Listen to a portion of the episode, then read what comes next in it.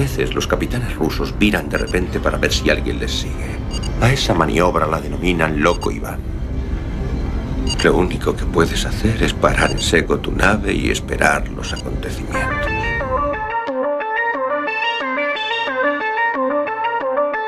Yamasphere 347 of Space Patrol calling unidentified ship.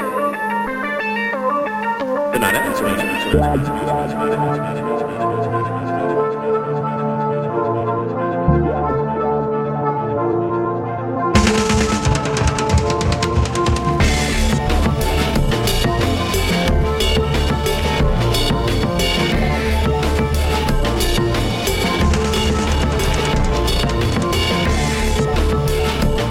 Moi boa noite a todos e a todas. Prepárense para pasar unha hora repleta de aventuras a bordo do submarino nucelar máis intrépido de toda a Unión Soviética.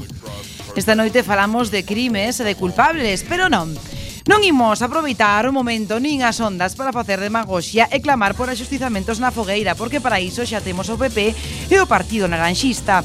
Como somos soviéticos, creemos no castigo, pero tamén creemos que o obxectivo dos nosos ben queridos gulags deben pasar pola reinserción e a inclusión social a non ser que se trate dun membro desta tripulación que xa non ten ningún tipo de reinserción na sociedade. Esta noite falamos de crimes e de criminais na ciencia ficción que nos gusta máis e non hai tanto sangue. Teremos noticias, música, o noso habitual relato e entrevistaremos o número 1 da novela negra o gran Diego Meixeiras. Stand back from the automated door and wait for the security officer to verify your identity. Before exiting the train, be sure to check your area for personal belongings. hoxe coa tripulación de mediada polas fiebres tifoideas e pola vagancia. En algúns casos, este viaxe non podería ser posible sen o señor Bugalov na sala de máquinas. O camarada Lamelov na sala de torpedos. Ola, boa noite, camarada. Aproveito a ocasión de que estou na radio para estar na radio. E o Tovarixes Esmendrellev que está en algún lado. Boas noites a todas e a todos. Sauda vos a capitana Esbletana Ibarruri Isto é Loco Iván. Comezamos.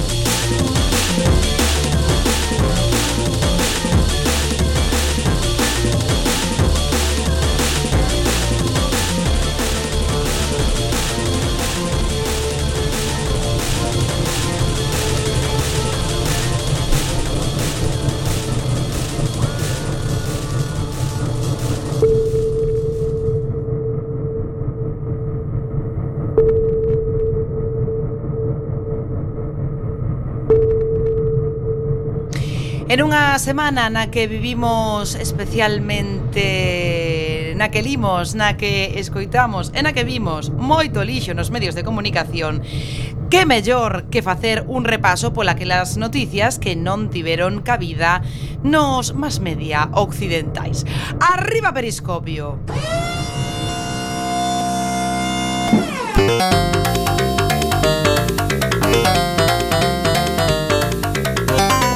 FM. Loco Iván. Periscopio.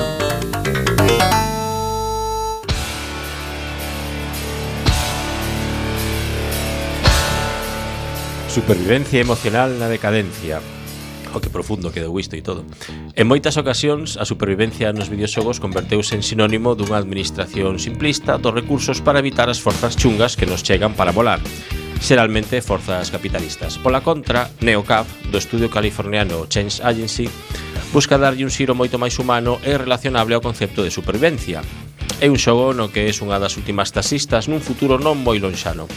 Lina, case a última humana dun negocio que hai tempo asumiu a inteligencia artificial na cidade dos ollos. Terás a tarefa de equilibrar o diñeiro, a reputación e a saúde emocional mentras navegas polas rúas da cidade e polas conversacións que lles brinda o traballo. Non digades que non molaría ser taxista nunha cidade ciberpunk. Sempre ser mellor que ser un escravo en Uber. Those that work forces are the same that burn crosses. Some of those that work forces. O mes de abril é tempo de heroes. Chegan abril, din que polo San Jordi o manual de supervivencia un recopilatorio de contos ambientado no mundo de tempo de heroes, o universo do escritor catalán Daniel Estorach, que tamén deu lugar a unha saga de cómic con guión de El Torres e dibuxos de Julián López. Nesta ocasión, máis de 50 autores, entre escritores e escritoras e ilustradores e ilustradoras, colaboran nunha obra solidaria que terá a superheroes cotías como protagonistas. Será publicado por Editorial Apache en a versión digital por Palabristas. Custará 14,90 piastras e beneficios irán destinados á Fundación de Axuda a Mulleres Maltratadas en Nais Solteiras Ana Bella.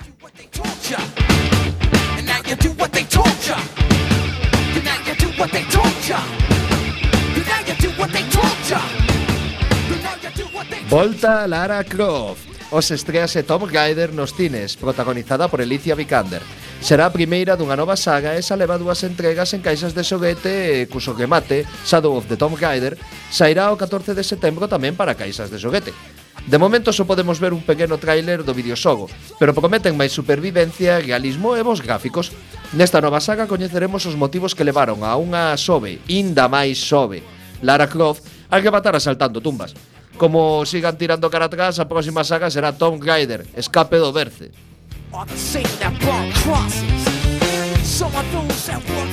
Misión secreta na Domus A Domus celebrará de marzo a abril a actividade Misión secreta Un xogo de escape no que as persoas participantes terán que topar pistas ocultas Ou resolver situacións inesperadas para conseguir finalizar a misión secreta nun tempo límite máis ou menos como as probas que nos pon a capitana para topar o moble de bar co vodka. Ne, eh, non o atopades. Nunca atopamos, claro, pois estas probas do da Domus son moito máis sinxelas. Celebrarás unha sesión para público familiar e outra para mozos entre 12 e 18 anos. De comunistas non dignadas, supoño que se escaparon.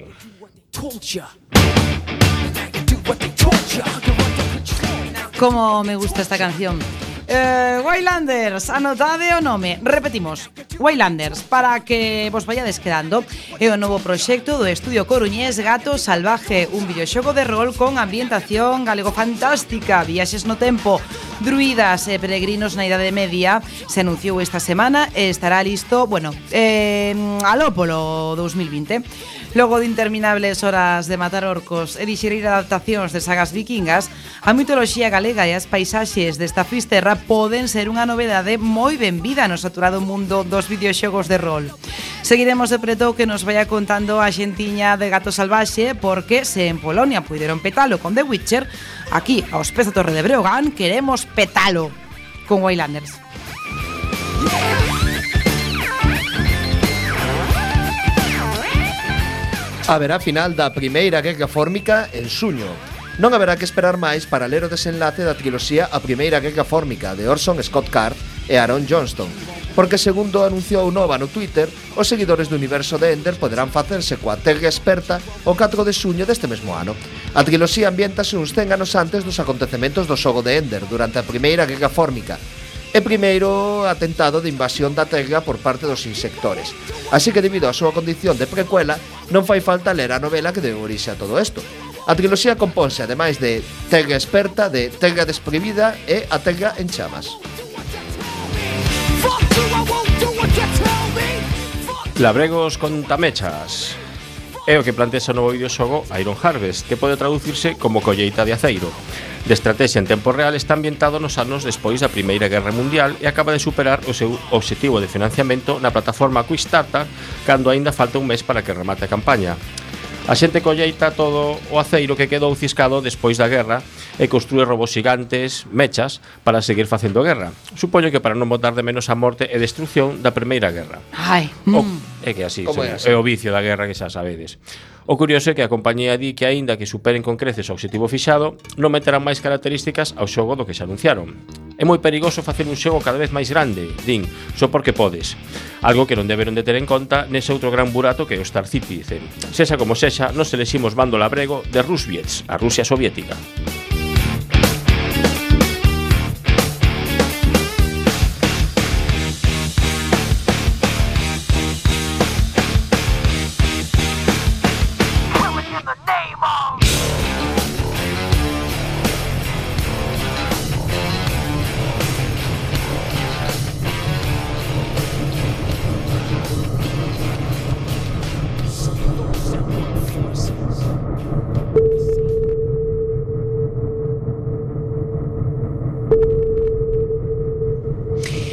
Imos con paso decidido a nosa sala de radio Hoxe falamos de crimen, de criminais eh, Non sei, temos a Melendi por aí?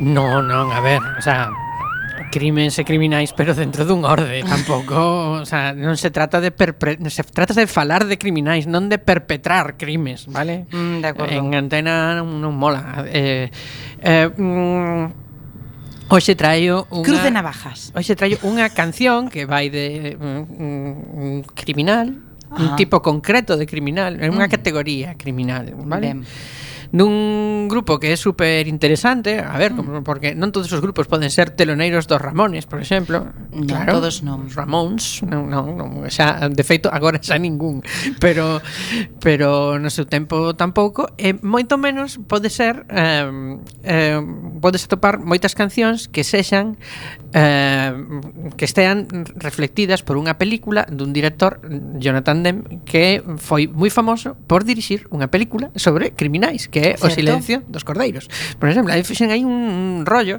e eh, esa película en cuestión non é exactamente unha película, esta da outra que estou falando, unha película que se sobre un grupo porque é unha película dun concerto. Ajá. Ajá, vale? Sei. Deste grupo do que estamos a falar. E ademais, esa película dese concerto, pois empeza um, pois con xente berrando, E logo cun sampler, o sea, unha das primeiras ocasións nos que aparece un sampler na música pop rock. E logo un señor tocando a guitarra acústica. Despois se vai sumando todo o resto do grupo e mola moito. Son eh, os Talking Heads e esta canción se chama Psycho Killer.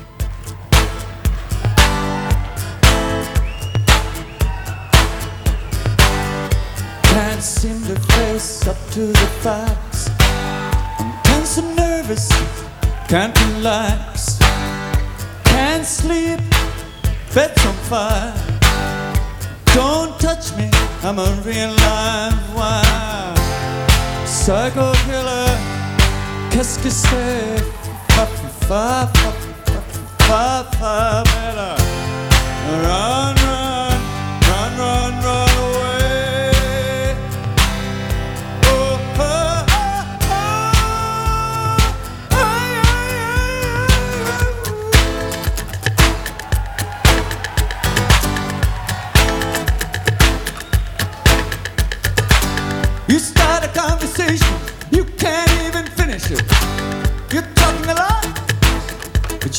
saying anything. When I have nothing to say, my lips are sealed. Say something once, why say it again?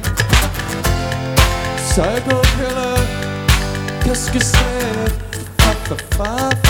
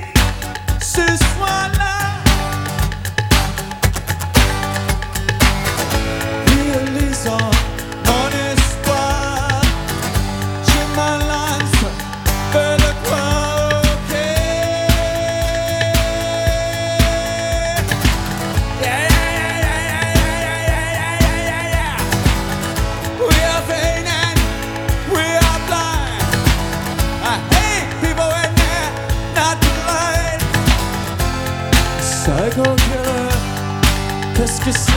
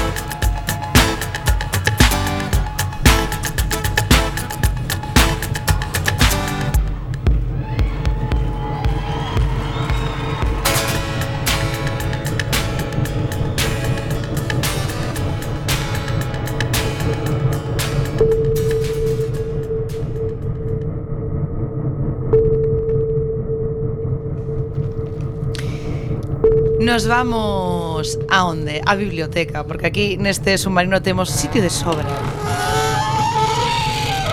Miserablemente eh, sigue, o sea, todo, todos los venres ten que temos que facer este comentario rancio y ruin sobre eh, el apolillamiento de, de este submarino.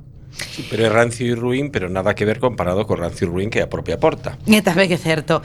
Eh, Vamos, vamos ver, por favor, Esmendrellev, como persoa intelectual mm, moderna de merda. Sí, efectivamente, non quería entrar nese tema, pero xa que o sacas. Eh, mm, ao azar, completamente ao azar, escollamos hoxe un día máis un libro para ler. Pois completamente ao azar saiu o Bocoi de Amontillado, ou o Tonel de Amontillado, non sei moi ben como traducilo galego, non? Eh, que é un conto do escritor estadounidense Edgar Allan Poe, publicado Ay. por primeira vez en 1846. E bueno, comentar que é un dos últimos relatos eh, que escribiu Poe, non? eh, moi pouco antes de que lle fora toda a pataqueira, porque, bueno, un ano despois morreu a muller que se chamaba Virginia Clem, e, bueno, pois o pobre aí xa foi todo costa abaixo eso. E caracterizo porque xa tiña pois eh, a, a perfección negativa, pero tamén o tipo empezaba como a degenerar un pouco así moralmente, de estado de ánimo, entón en lugar de escribir as, a brillante prosa que facía antes, pois xa facía cousas moito máis escuras, igual de ben escritas, pero máis máis escuras. E bueno, eh, a historia neste caso va de que en plenos carnavais de algunha cidade italiana do século XIX, pois hai un señor de apelido Montresor que busca un tal Fortunato. Fortunato porque, como cantante de obús, por exemplo. Por exemplo, como cantante de obús. E o tal Fortunato parece ser que é un bocachuzo Como cantante do Ai, bus como tamén. cantante do bus. Como Ai. cantante do bus, efectivamente. Que precursor era Edgar. E claro, nada, pois atopa aí o tal Forbunato, disfrazado de payaso, todo borracho, aí con as óuseres e todo, non? E convenceu para que o acompañe a unha bella catatumba da súa familia. O pouco Fortunato non sabe nin que ten un enemigo, ah. e deixa guiar por Montresor. E bueno, a cousa pinta moi mal. Catatumba é familiar ou...? Non ten porqués o é catacumba? catatumba. bueno. Igual o, que, o catatumba era o alcohol. Igual o catatumba era un pub. Tamén. No, é unha tenda de tatuaxes na Coruña, se queredes, xa sabedes onde ir, eh, por favor, relato.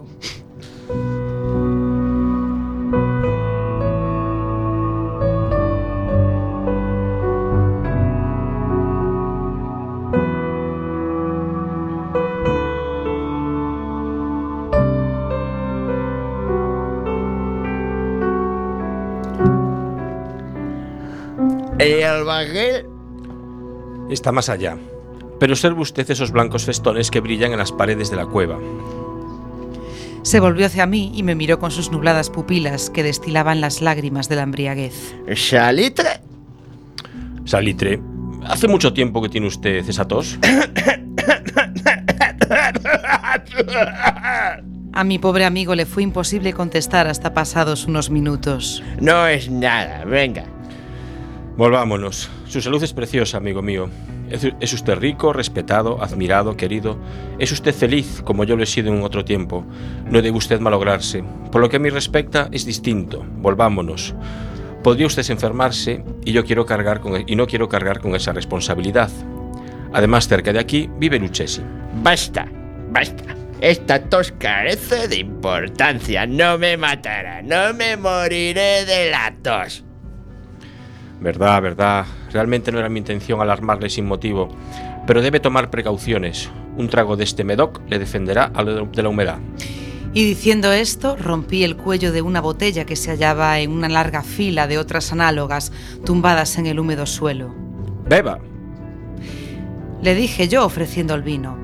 Se llevó la botella a los labios, mirándome de soslayo. Hizo una pausa y me saludó con familiaridad. Bebo a la salud de los entregados que descansan en torno nuestro. Y yo por la larga vida de usted. De nuevo me cogió de mi brazo y continuamos nuestro sonoro camino. Estas cuevas son muy vastas. Los Montresors fuimos una grande y numerosa familia.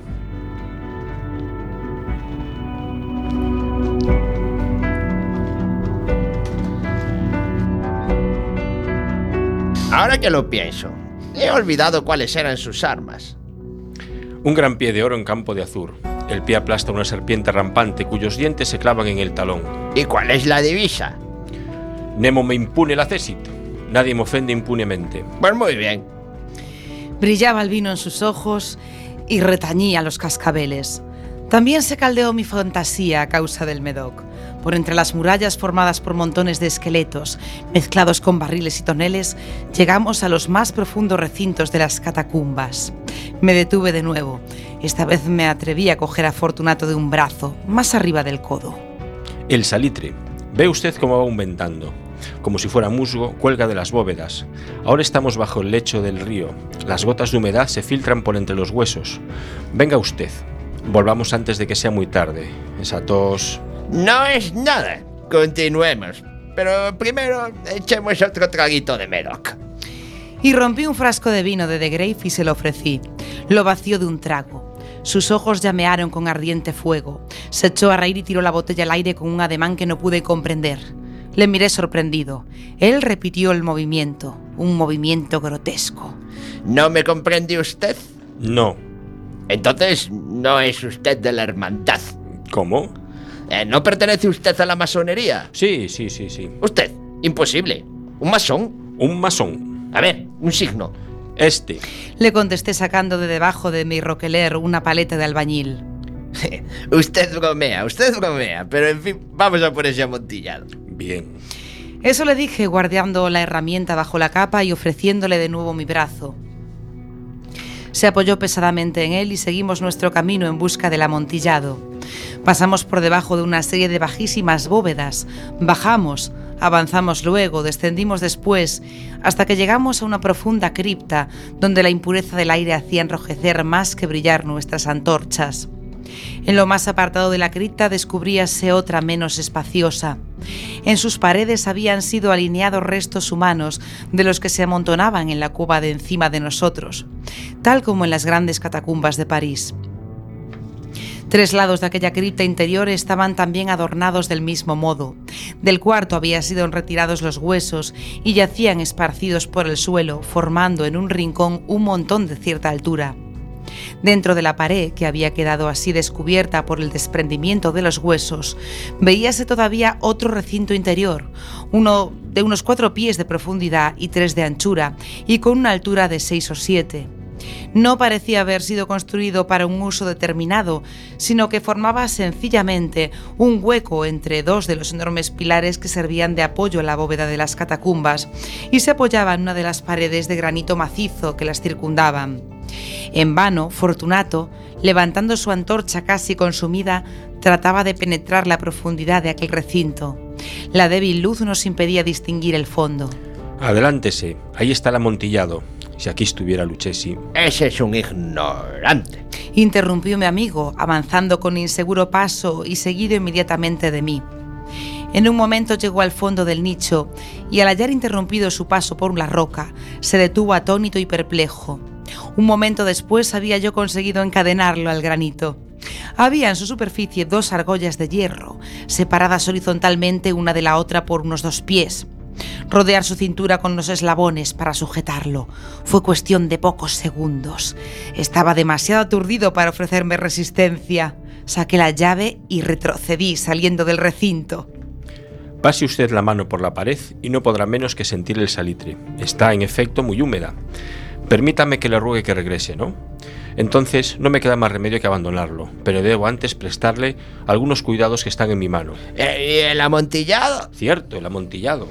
Y diciendo estas palabras me atareé en aquel montón de huesos al que antes he aludido. Apartándolos a un lado, no tardé en dejar al descubierto cierta cantidad de piedra y construcción de, y de mortero. Con estos materiales y la ayuda de mi paleta, empecé activamente a tapar la entrada del nicho. Apenas había colocado al primer trozo de mi obra de albañilería cuando me di cuenta de que la embriaguez de Fortunato se había disipado en gran parte. El primer indicio que tuve de ello fue un gemido apagado que salió de la profundidad del recinto. No era el grito de un hombre embriagado. Se produjo luego un largo y obstinado silencio. Encima de la primera hilada coloqué la segunda y la tercera y la cuarta y entonces, oí las furiosas sacudidas de la cadena. El ruido se prolongó unos minutos, durante los cuales, para deleitarme con él, interrumpí mi tarea y me senté en cuclillas sobre los huesos. Cuando se apaciguó, por fin, aquel rechinamiento, cogí de nuevo la paleta y acabé sin interrupción la quinta, la sexta y la séptima hilada. La pared se hallaba entonces a la altura de mi pecho. De nuevo me detuve y levantando la antorcha por encima de la obra que había ejecutado, dirigí la luz sobre la figura que se hallaba en el interior. Una serie de fuertes y agudos gritos salió de repente de la garganta del hombre encadenado, como si quisiera rechazarme con violencia hacia atrás. ¡No! ¡No! ¡Atrás! ¡Atrás! Durante un momento vacilé y me estremecí. Saqué mi espada y empecé a tirar estocadas por el interior del nicho.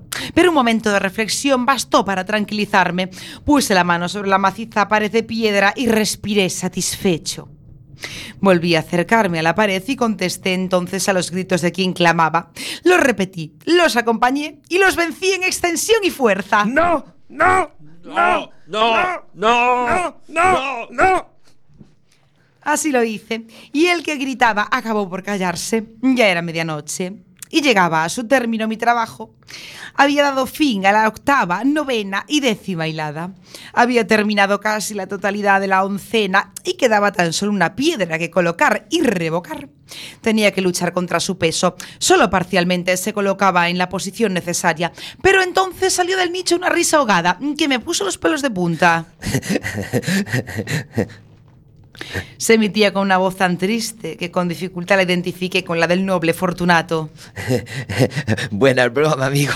Buena broma. Lo que nos iremos luego en el palacio, ¿eh? A propósito de nuestro vino, ¿eh? Lo que nos vamos a que ir.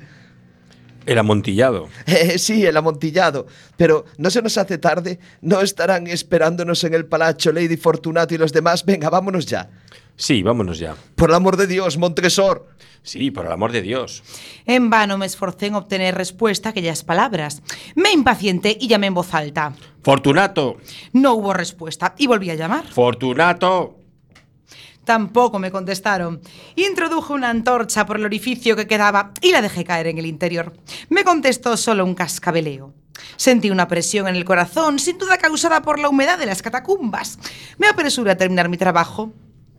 Con muchos esfuerzos coloqué en su sitio la última piedra y la cubrí con argamasa. Volví a levantar la antigua muralla de huesos contra la nueva pared. Durante medio siglo, nadie los ha tocado.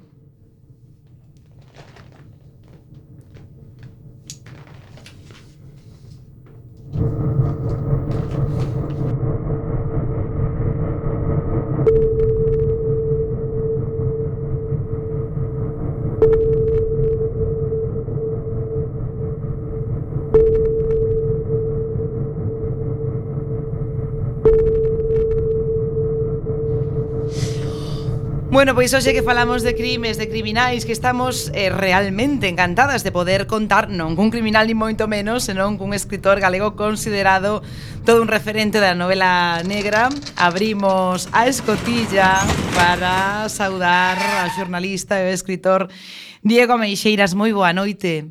Ola, boa noite. Non sei se estivo algunha vez nun submarino soviético. Pois non, non, non, me, non, non me cadrou, non me cadrou, pero bueno, nunca, nunca é tarde para que igual apareza por aí a oportunidade, non? Pois, home, xustamente está, está nun deles. Exacto. A primeira pregunta que lle teño que facer, he visto o xornalismo feito esta semana, sobre todo esta última semana, E por que as novelas negras adoitan ser tan elegantes e a realidade, e sobre todo os medios de comunicación de hoxe en día, eh, adoecen dela? A ver, eu penso que, oiga, a, a novela negra pois eh, é o xénero creo que mellor explica a realidade actual. É dicir, se alguén se pon a escribir unha, unha novela mínimamente realista, eu creo que non é difícil que lle acabe saindo un retrato así bastante negro da, da sociedade que temos diante, non? Eu creo que que a, a, a novela negra pues, bueno, pode permitir algunhas liberdades que igual os medios de, de comunicación pues, non poden, ben por asunto de tempo, por as, polas escravitudes económicas, sociais, políticas, no? que, que hai, aí sempre que sempre están presentes. Eu creo que, a que a novela pues, permite unhas, unha, unha liberdade e un campo bueno, no que sempre no que sempre se presta pois a, a, a meter un pouco o dedo o dedo no ollo da, da realidade, non? E a mostrar un pouco esa, esa cara B que non están que non estamos afeitos a que nos conten tan claramente, non? Eh, digo, a súa obra eh, é prolífica que vostede inda, inda é mozo. Sí, eh, sí, para tratarme de vostede, sobre todo. Sí, pero isto é, eh, eh, eh, vamos, é que somos soviéticas, non podemos tratar de outra forma a un invitado no ah, submarino. Perfecto. Eh, Sen embargo, eh, quería falar un pouco sobre, eh, non sei se vostede inventou, creou ou é referente dunha nova novela negra galega, igual que o, novo cinema, eh, aquí tivemos sempre marcados por, por o crimen Compostela de, de Reigosa e de repente eh, chega vostede como se decide ou como se decide ou como comeza a, a escribir a escribir en negro.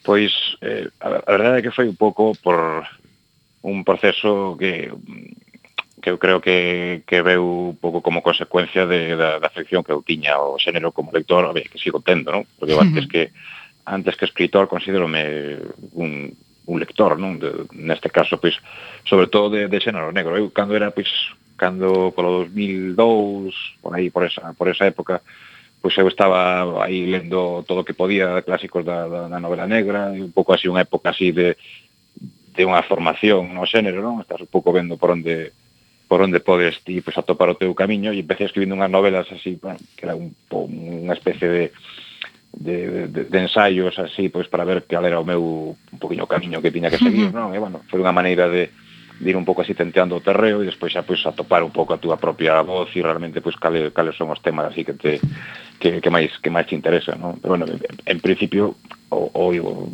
a min a, o, o interesa pola novela negra veme fundamentalmente como como lector, e ainda hoxe en día pois pues, intento ler todo todas as novidades que me, que me interesan e sigo aí revisando os clásicos cando cando podo. Oia, e, inda que esta sempre é a pregunta que facemos ao final da entrevista, pero mm, xa que saca o tema, eh, como lector, fáganos unha recomendación, ademais da súa obra, pero unha recomendación, pero de, de algún autor galego ou de autor... Pois o eh, que, usted, o que vostede queira, ten mm, liberdade case soviética para dicirnos eh, que novela negra nos recomenda pois descoñezo escritores de novela negra soviéticos. Mm, vale. Habría algún, seguramente habría algún, ou algún interesante, pero agora mesmo non, non sabía decir, entón vou quedar un pouco mal, pero de escritores non soviéticos, podería dicir, por exemplo, a Bueno, eu son moi fan de, de, de Aníbal Malvar, que foi o, o, pues, realmente o, o, o escritor galego de novela negra que nos anos 90, pois creo que colocou o xénero no, nun, nun bo lugar, non? e agora pois hai pouco que saiu en castelán a traducción dunha, dunha novela súa, A de Mosca, en castelán uh -huh. tradúcese por Ala de Mosca, que é unha novela xa do ano 99, creo, bueno, pero saiu agora reitada, saiu, saiu agora traducida en castelán, e bueno, creo que sempre é unha boa oportunidade para poder ler a versión original en galego, ainda que supoño que será un pouco difícil de, de, de conseguir, pero bueno, por eso están as, as bibliotecas tamén. Eh, E tamén, non sei, pois eu gustame moito Alexis Ravelo, o escritor canario, ten unha novela que se chama La estrategia del, del pequinés, que é unha historia de é eh, novela negra, pero é unha historia sobre todo de, de delincuentes, dese subxénero así da, da, da croc story que chaman, no? das novelas que non hai investigación, que están contadas do punto de vista do, da persoa que comete un delico, dun delito, que comete un atraco, un crime e demais, e bueno, é moi, é moi interesante, non? realmente un dos, é un dos meus escritores favoritos. Diego, falemos de falemos de Compostela eh, eh, e da novela negra porque o sou no reigosa eh, xa como un escenario que, que cobra vida, outra Compostela distinta da que da que coñecemos. Sí. Vostede tamén o usa vamos a dicir case magistralmente eh, tanto en asesinato no Consello Nacional como en Conduce Rápido que pasa con, con Compostela Bueno, nesas dúas novelas intentei, a ben, asesinato no Consello Nacional, a ver, utilicei a Compostela como pano de fondo da novela, bueno, porque necesitaba necesitaba un pouco recrear así un pouco dende a parodia pois todo ese mundo así da, de, de certa certo nacionalismo capi, capitalino, non? E todas esas, que un pouco todas esas esas relacións aí que un pouco por debaixo do que aparentemente pois pues, son as a relación dos políticos, non? Por unha parte, pois parece moi moi amigables e todos os partidos pois teñen aí a súa a súa cara B e as súas pelexas e as súas liortas internas, non? E en Conduce Rápido sí que a, a, a cidade pois é máis é máis protagonista en un punto de vista máis negro, non? É unha cidade que non ten nada que ver co coa cidade que coñecemos, que é máis turística, que máis de máis é unha cidade que ás veces incluso pois está aí no borde de case ser un parque temático en algúns momentos do ano, non? Que está cheo de turistas, de peregrinos e demais e que, bueno, que ha sido centro político por excelencia, religioso, cultural e demais, pero como calquera cidade pois ten os seus barrios, ten a súa a súa capa de marginalidade, ten as súas as súas persoas que, que cometen actos, actos eh, máis alá do legalmente establecido, de todo iso, bueno, pois por eso se me ocorreu eh, ambientar a historia na, nunha cidade que eu creo que estamos máis afeitos a que se conte de outra, de outra maneira, non? Inda que nos últimos anos sí que tamén os medios ali fixeron moito, bueno, moitos relatos sobre sí, tamén, tamén. sobre a negrura de de Compostela. Eh, xa sei que é a novela de 2010 ten, ten outras moito moito máis cercanas e moito máis próximas, pero mm, sendo soviéticos dun politburó, tiñamos que preguntar por asesinato no, no Consello Nacional, un homenaxe tamén ao asesinato no Comité Central de Montalbán, de Montalbán, Mon, Jolines, de Mon, bueno, xa o saben porque non me sai, non podo dicir. Mire, eh, Este é un exercicio literario o asesinato no, no Consello Nacional que o que pasou por Santiago mm, ou o que coñece un pouco a, a intrahistoria política eh, do nacionalismo está cargada tamén de moita de moita ironía, pero eh, como recordas a ida do libro? O sea, tiña medo de que de que non sei, de que no, acabara eh. vostede asesinado. No, no, asesinado non, asesinado non, está claro que non, pero medo Non, te, un pouco de respeto así pola, pola reacción que puidese, que puidese suscitar, porque a verdade que eu, meu, eu creo que non é dos meus mellores libros, agora que non nos escoita ninguén, bueno, sí que nos escoitan, pero podo confesalo. Bueno, non nos pero... poden escoitar na FM porque porque non la quito feijó, pero pero no podcast. pois, pues, eh, sí, bueno, creo, a ver, foi unha novela que sí que funcionou moi ben, e que eu era consciente de que, bueno, que, que podería suscitar máis comentarios que outro tipo de novela, non? Había moitos sí. personaxes que eu sabía que se ian ver reflectidos na, na novela porque están os nomes cambiados pero hai un digamos un, un debuxo humano que eu creo que ten un reflexo claro na, na realidade algúns supoño que máis conseguidos que outros pero non, non tive, non tiven medo eu confiei no, no sentido do humor da xente non? e que así foi, non? a verdade é que non, non escoitei así ninguna ninguna reacción así desmesurada, non? Ao fin e ao cabo, estás escribindo sobre políticos e os políticos, pois, sabemos que nunca van dicir realmente o que pensan, non? Cando se enfrentan con algo que os pode meter nun, nunha, nunha situación un pouco incómoda, non? Entón, tuve relación, reaccións moi diplomáticas, non? Bueno, e a, e a verdade é que non, non, non foi tanto medo, sino como, bueno, pues un pouco de, de, de respeto por falar dunha situación dun, dunha organización política nun momento determinado no que despois, bueno, vendo o que pasou despois en Amiens, pois eu creo que a novela mesmo se queda bastante corta, vendo un pouco sí. todo o que pasou, o que pasou despois, non? Entón, bueno, no que non creo que contase nada novo nin que nin que non dixese nada que xa se estaba un pouco aí cocendo, non? Nada que non dixesen que non dixesen quizáis os, os propios protagonistas tirando no, no. do off record. Eh, queda moita novela negra en Galicia, non sei se mm, nun plenario de Marea ou Sí, sí, a ver, que xa recibí varios mensaxes pedíndome que escribo unha novela tamén sobre sobre a marea precisamente, pero optei por non, por decir, por decir que non. Bueno, eh, decía, comentábamos algúns amigos a veces sacándome noticias, non? De, de, bueno, de, de como a veces están funcionando as cousas aí dentro, non? Pero non, non, xa non, xa non teño xa o, o humor para para meterme no, no outra vez noutra historia, porque creo que sería demasiado repetitivo, non? Que ademais incluso habría algúns Xa se repetirían algúns personaxes. Algúns protagonistas serían, claro, estarían metidos nas dúas novelas, non? En, en, en, xa en organizacións políticas distintas.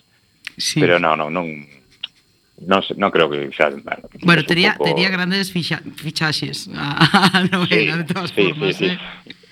sí. Pero bueno, creo que habería igual, non sei, preferiría dedicarlle unha novela negra a Feijó e as, e as compañías cos que sube por aí en yates, non? Pero, con barcos, sí. non? Pero, pero bueno, tamén tamén é un tema no que tamén, tamén un tema complexo, non? Pero bueno, quen sabe, pasado o tempo, pois pues, igual algo podo, podo argallar por aí, non? Sorpréndelle que falábamos agora de, de yates, eh, que novelas, eh, eh, series, agora xa como, como Fariña, de Ana coñecer unha realidade negra de Galicia que, que de repente parece que, joder, que fascina a xente de, de máis alado do Padornelo. Sí, creo que, bueno, no, no caso de, de, de Fariña a serie, bueno, creo que é unha serie que está que está moi ben feita, non? E que e que, que, que creo que recrea casi bastante ben a, o que foi toda a realidade do narcotráfico na, naquela época. Eu creo que sí, bueno, que hubo aí... Bueno, creo que dende, dende digamos, unha imaxe central do que, do que é España, pois os que estamos presuntamente nas periferias, non? digo presuntamente porque o término periferia depende de onde estés mirando, pois a cada un pois, un pouco nos asignan algún, bueno, algún estereotipo, algún tópico, non? e os galegos pois, durante moito tempo tocou o tema do, do, do narcotráfico, non? da, da cocaína, ademais, yo creo que, bueno, que hai unha certa fascinación que creo que na serie está un pouco aí no, no, no límite, non? A fascinación sobre o, en relación aos narcos, non? Que de hmm. fascinantes non teñen nada, porque son son o que foron, non? Sí. Pero, bueno, sí que son as figuras, bueno, creo que todas as, as historias de, de, de ascenso, caída, a todos nos fascinan, non? Un, alguén que empeza por baixo, no que sea, no que sexa, despois acaba triunfando, despois acaba caendo, pois pues creo que eso como como espectador ou como lector, cando che conta unha historia, inda que é algo que se repite moitas veces, pois sempre o agradeces, non? Nese sentido, Fariña, mm eu creo que é como a, non sei, como calquera historia que de, de, das películas dos anos 30 de James Cagney, non? Nos que o tipo pois empezaba era un mafioso de nada e despois pois acababa pois rodeado de cartos e de luxo e demais, non? Pois creo Para que ese tipo de historias final. Exacto, sí. E ese tipo de historias por sempre nos siguen gustando, non? E se as contan con referentes que coñecemos e con actores boísimos como como os que son todos os actores galegos que saen en Fariña, pois para nós moito mellor. Diego, antes de despedirnos, moitas gracias por, por vir Oxe Mariño, pero o aquí o meu compañeiro, eh, o camarada Lamelov, o xefe de Torpedos, eh, especialista en novela negra soviética, vai facer unha pequena recomendación que acaba realmente de buscar na Wikipedia, pero... Claro, claro, que ten unha habilidade especial para buscar en internet, boa noite. Boa eh, noite. Eh, recomendoche a, a Arcadi, Arcadi Bailer, que escribía libros que o seu irmán, morreu xa hai máis de 10 anos, pero era, bueno, era policía de, na época soviética en Moscú, e digamos que, Ajá. bueno, foi bastante famoso na Unión Soviética polo, bueno, polas súas novelas policíacas da, da época, incluso fixeron unha película dunha delas. Ah, pois, pues, pois pues está ben, sospeito que non debe estar traducido galego, intentarei no con algunha traducción ao castelán, porque o castelán, o seguro, o castelán seguro que está. O soviético non o domino demasiado, entón, pois, terme que... Bueno, pois pues, nada, nunca é tarde para eh, aprender, eh, Nunca é tarde, é vir Bueno, pois pues, eh, unhas vacacións aquí ao submarino e nada cirílico. Tentarei no para ler esa recomendación. Pois eh, Diego Meixeiras, moitísimas gracias polo atraco que lle fixemos por, por estar aquí esta noite. Moitísimas gracias. Vale, gracias a vos. Boa noite. Boa noite.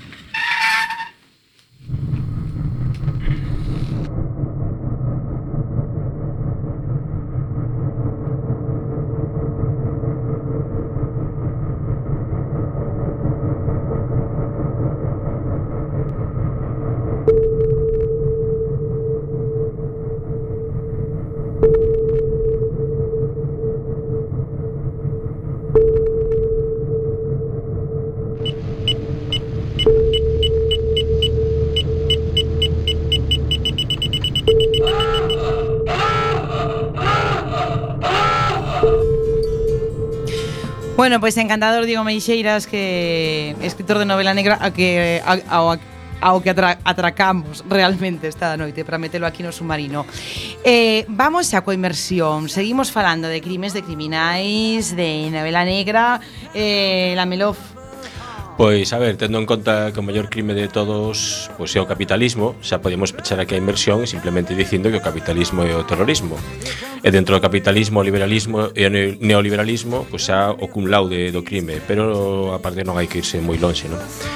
Pero como algo demasiado xenérico, pois igual molaría precisar algo máis, non? Falamos dos crimes provocados polas guerras, así que se toca falar de grandes asasinatos, masacres, asasinos en series e cancións de Melendi, grandes temas no cine, literatura e, por suposto, videoxogos. Eh, por certo que hoxe é o 50 aniversario da masacre de Milai, ah, a de vietnamita onde os marines asasinaron a 500 civis a sangre fría. Non podo creer, por outro lado, que... Sí, eh, para que logo digan que mm. nos, nos tenemos gurás, pero eles, en fin, en fin. Certo. É o capitalismo, amigos. Pero, como sempre, vou falar do que non lle interesa a ninguén Hola, soy Kit. No estarás haciendo nada importante, ¿verdad? No, De pronto me entraron ganas de saludarte. No se pierde nada por intentarlo. ¿Cómo te llamas? Yo ya te lo he dicho. Holly. Oh. Bueno, Holly. ¿Quieres.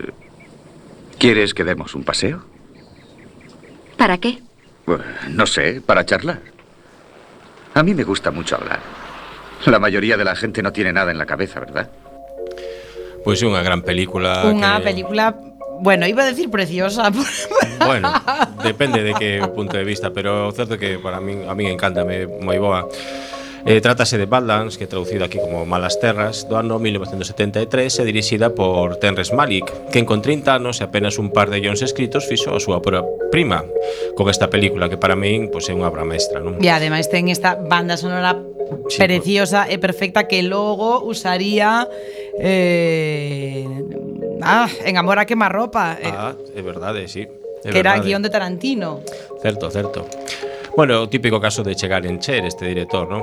Ademais tamén é guionista e produtor. Eh, a historia está baseada nos asasinatos en serie de Charles Raymond Stallwetter, un adolescente estadounidense que entre decembro do ano 1957 e xaneiro de 1958 deixou unha pegada de 11 asasinatos entre Nebraska e Wyoming, xunto coa súa noiva Carrie Ann Fugate de 14 anos. A parella sería capturada e Charles executado 17 meses máis tarde, mentras que Carrie pasaría 17 anos na cadea.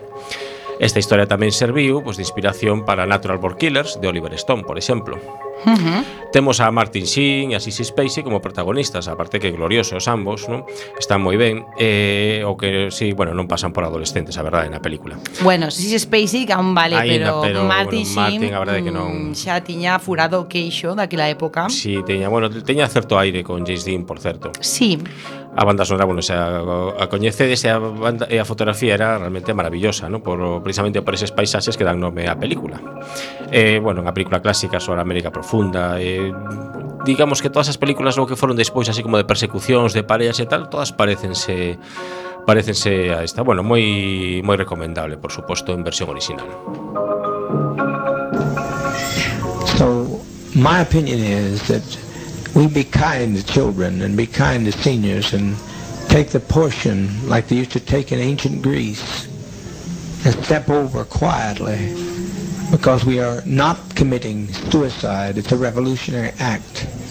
We can't go back. They won't leave us alone. They're now going back to tell more lies, which means more congressmen.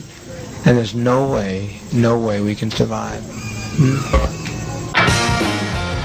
O reverendo Jim Jones, nada menos, falando do necesario que era o suicidio. Dicía que nesta frase que o suicidio era revolucionario. Poño vos en antecedentes para que non saiba quen era este, este querido ser.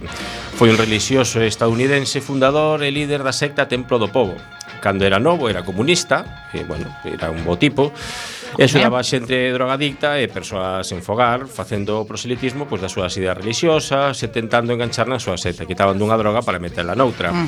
Tamén apoiaba o movimento polos dereitos civis, a xente a poboación negra, estaba en conflicto permanente con outras organizacións religiosas protestantes, algo normal tendo en conta pois, que era comunista, decir, dito así, no, pois, era comunista, como... estaba en Estados Unidos. Claro, o sea, te tiña dificultades, claro. digamos que era unha pobre víctima, era unha pobre, víctima. pobre víctima. Home. E sobre todo porque sabedes que era un bo tipo, sea, Home, sendo axudando, comunista. Claro.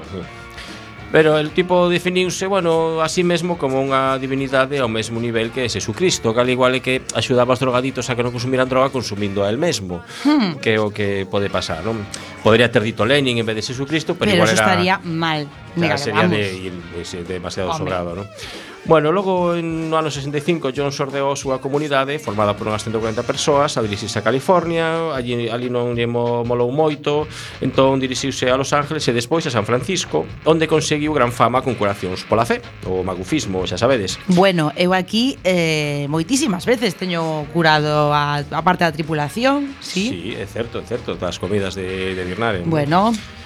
Pero bueno, digamos que lle acusaban de pois pues, de dar palizas a seus congregados, bueno, de non respetar dereitos laborales e cosas así, entón, Pero bueno, eso eso é unha cousa, a ver, ata certo punto normal, porque eu ás veces teño que empregar a forza con vos, pero Sí, aparte el penso que ni sequera facía eso, era unha pobre persoa que pasa que lle manipulaban claro. o o sistema. Así que fuxío a Guyana, a un, bueno, montou ali unha, unha especie de granxa na bueno, localidade de Bueno, que bonita Johnston. Guyana, preciosa. Sí, e seguiu, bueno, seguiu unhas 900 persoas da súa con, congregación e ali dixo que crearía un paraíso. E o que hai que facer cando tes unha secta Home.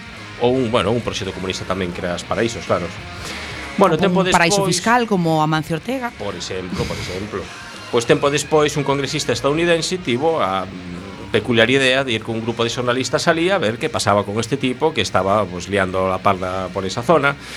Entón, bueno, cando o tipo non lle molaba moito que fora ali o congresista, pero o congresista insistiu, non sei que, ao final non se negou, bueno, cando chegou prepararon unha festa, todos aí moi sonrintes e tal, que parecía convocando o rato, entrou esa na Universidade do Éxito, unha cousa así, toda a xente moi histérica e moi feliz, pero a cousa empezou a ir un poquinho mal, e digamos... E logo que, acabou o so ponche non, digamos que hai vaia xente que quería marchar de ali, o congresista dixo que veña, que vale que non, outro que hai traidores e tal, total, que ao final o tipo matou a congresista e a cinco persoas máis, colleu os, os seus esos xareiros e levoros para dentro outra vez e, bueno, conseguiu que se suicidaran ou suicidou aos 900 e pico de toda de toda a congregación. En fin. Bueno, isto pode pasar O sea, isto é unha cousa a min me ten pasado, eh? É o normal. Tin que o, bueno, en masa con outros 999. No, no, bueno, mm, é o suicidio colectivo sí. máis máis grande de todos, non? De, eh, de, bueno, hai unha peli que se chama eh, A traxedia da Guyana do ano 1980, é bastante recomendable, un documental de, do ano 2006 que se chama Vida e morte do tempo do povo e unha un corto do ano 2013 chamado Johnstone que tamén volaba ver. Sí. Moi ben, moi ben. Tarjeta nueva. ¿Qué os parece? Vaya, muy bonita. Mírala. Las recogí de la imprenta ayer. Bonitos colores. Color hueso. Y la letra es algo llamado Cillian Rail. Muy chula, Bateman. Pero eso no es nada. Mira esta. Esta es mucho mejor. Cáscara de huevo con letra Romalian. ¿Qué opináis? Bonita. Dios, es preciosa. ¿Cómo ha llegado a tener tanto gusto un palurdo como tú? No puedo creer que Bryce prefiera la tarjeta de Van Patten a la mía. Pero espera. Aún no habéis visto nada. Letra en relieve. Color nimbo pálido. Esta eh, non quería marchar sin de, de falar de American Psycho, unha gran película e un mellor libro aínda no que ten, digamos que esteas bastante bastante delirantes durante toda a película. E señores Mendrellev, que nos trae vostede falando de, de crimen? Pois eu quería, eu sei, quería falar un pouco do sermolo que levou as primeiras novelas de crimes, non? E penso que no number one ten que estar os crimes da Gua Morgue e outros contos, que é unha serie de contos que se comezou a publicar no 1841 de Edgar Allan Poe, que o primeiro deles é Os crímenes da Rue Morgue, o segundo é O misterio de Marie Goyet e o terceiro A carta roubada. E que teñen en común estar protagonizados por Auguste Dupin, que é o primeiro investigador de ficción que resolve crimes a través de pistas, así o lector pois pode seguir a resolución do caso ata esperar a solución final. Este formato tende maravilloso inspirar a outro detective que sería a postre o máis famoso de todos os tempos e que case todos admiramos profundamente. Colombo. Podría Ajá. ser Colombo. Sona vos esta banda sonora. Me suena a 13TV. A 13TV. Claro. Seguro. Sí. Sí. pois era o BBC. É a banda sonora de Sherlock, a última serie que, que sacou a BBC Onde está o noso queridísimo Sherlock Holmes E o seu fiel compañeiro, o veterán de guerra de Afganistán, John Watson, médico militar Destos personaxes escribiu eh, Doyle 4 novelas e 56 relatos. A primeira historia foi Estudio en Escarlata, na que se tratan tanto o primeiro encontro de Holmes e Watson como o primeiro enigma que resolverán, o dun home morto nun cuarto que está repleto de sangue por todas partes, non? Pero o tío non ten ningunha ferida. Foi un relato moi escandaloso para a súa época, que eran así, incluía poligamia, vinganza, cornos, asesinato e todo que mola. Eso na época vitoriana, pois normalmente non se facía, non? non. Bueno, eh, bueno. se se facía, non se escribía. Bueno, este me escribiu, no, e tivo moito éxito hasta tal punto que seguro que xa sabedes que foi a propia gaiña nai a que cando Doyle farto xa de tanto Holmes decidiu matalo, díxolle que tiña que resucitar o seu querido personaxe. Comentar tamén que eh, este tipo de relatos, tanto Habitación Escarlata ou, nos, ou o primeiro dos crímenes da Rúa Morgue, son os primeiros misterios de cuarto pecho, é dicir, hai un cuarto pechado e un misterio dentro que se ten que descubrir, e que houve unha escritora tamén de misterio e crime, Agatha Christie, e o seu querido Hércules Poirot, que vivire un deso durante décadas. E moi ben, algo que valía, que valía a pena realmente. E nada, pois agora cambiamos de tercio. Sí para ir a, a época da, da Francia eh, na época das no siglo das luces, non? Da para Francia falar soviética. dunha novela que se chama bueno, fixeron os ben os franchutes liberándose da monarquía, eh? un, oh, un traballo polo menos case tan bo como dos soviéticos. Case. E nada, simplemente mencionar moi rapidamente a Patrick Suskind e o seu perfume É unha novela escrita e dividida en catro partes que fala de Jan Bastille Guineul, que é un personaxe que basicamente é un psicópata que non ule a nada, pero ten un olfato increíble. E como se relaciona a través do olfato para tratar de conseguir Pasa yo mesmo a Birnaren co, co gusto, pero así Efectivamente. Afortunadamente, invertido. Afortunadamente Birnaren non dispón de mociñas para sacar os untos e tratar de facer os seus diversos os seus diversos platos, non? E bueno, xa para que matar A ver se que coñecedes esta escena desta película, dicir o nome nada máis. A ver. Loca Academia de Policía. Teña. Que pasado? Baje del coche, por favor, señor. ¿Qué es eso? ¿Puede quedarse quieto? Los vingueros. Por favor. Esa está. Bosona. Pois nada, tan só mencionar non é país para vellos, Unha película excepcional absolutamente basada nunha novela de Cormac McCarthy, un dos mellores escritores de fala inglesa dos nosos días. E nos quedou por falar de Mil Hunter, que é a nosa serie favorita, estamos esperando, bueno, favorita no, pero bueno, favorita de hoxe, estamos esperando a segunda temporada.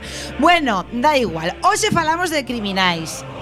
Pero mira, que queden lonxe, que lles den un pouco por aí. Eh, nos non os queremos matar, nos a vos os queremos Os queremos moitísimo. Nada, que nos vamos, que nos vemos.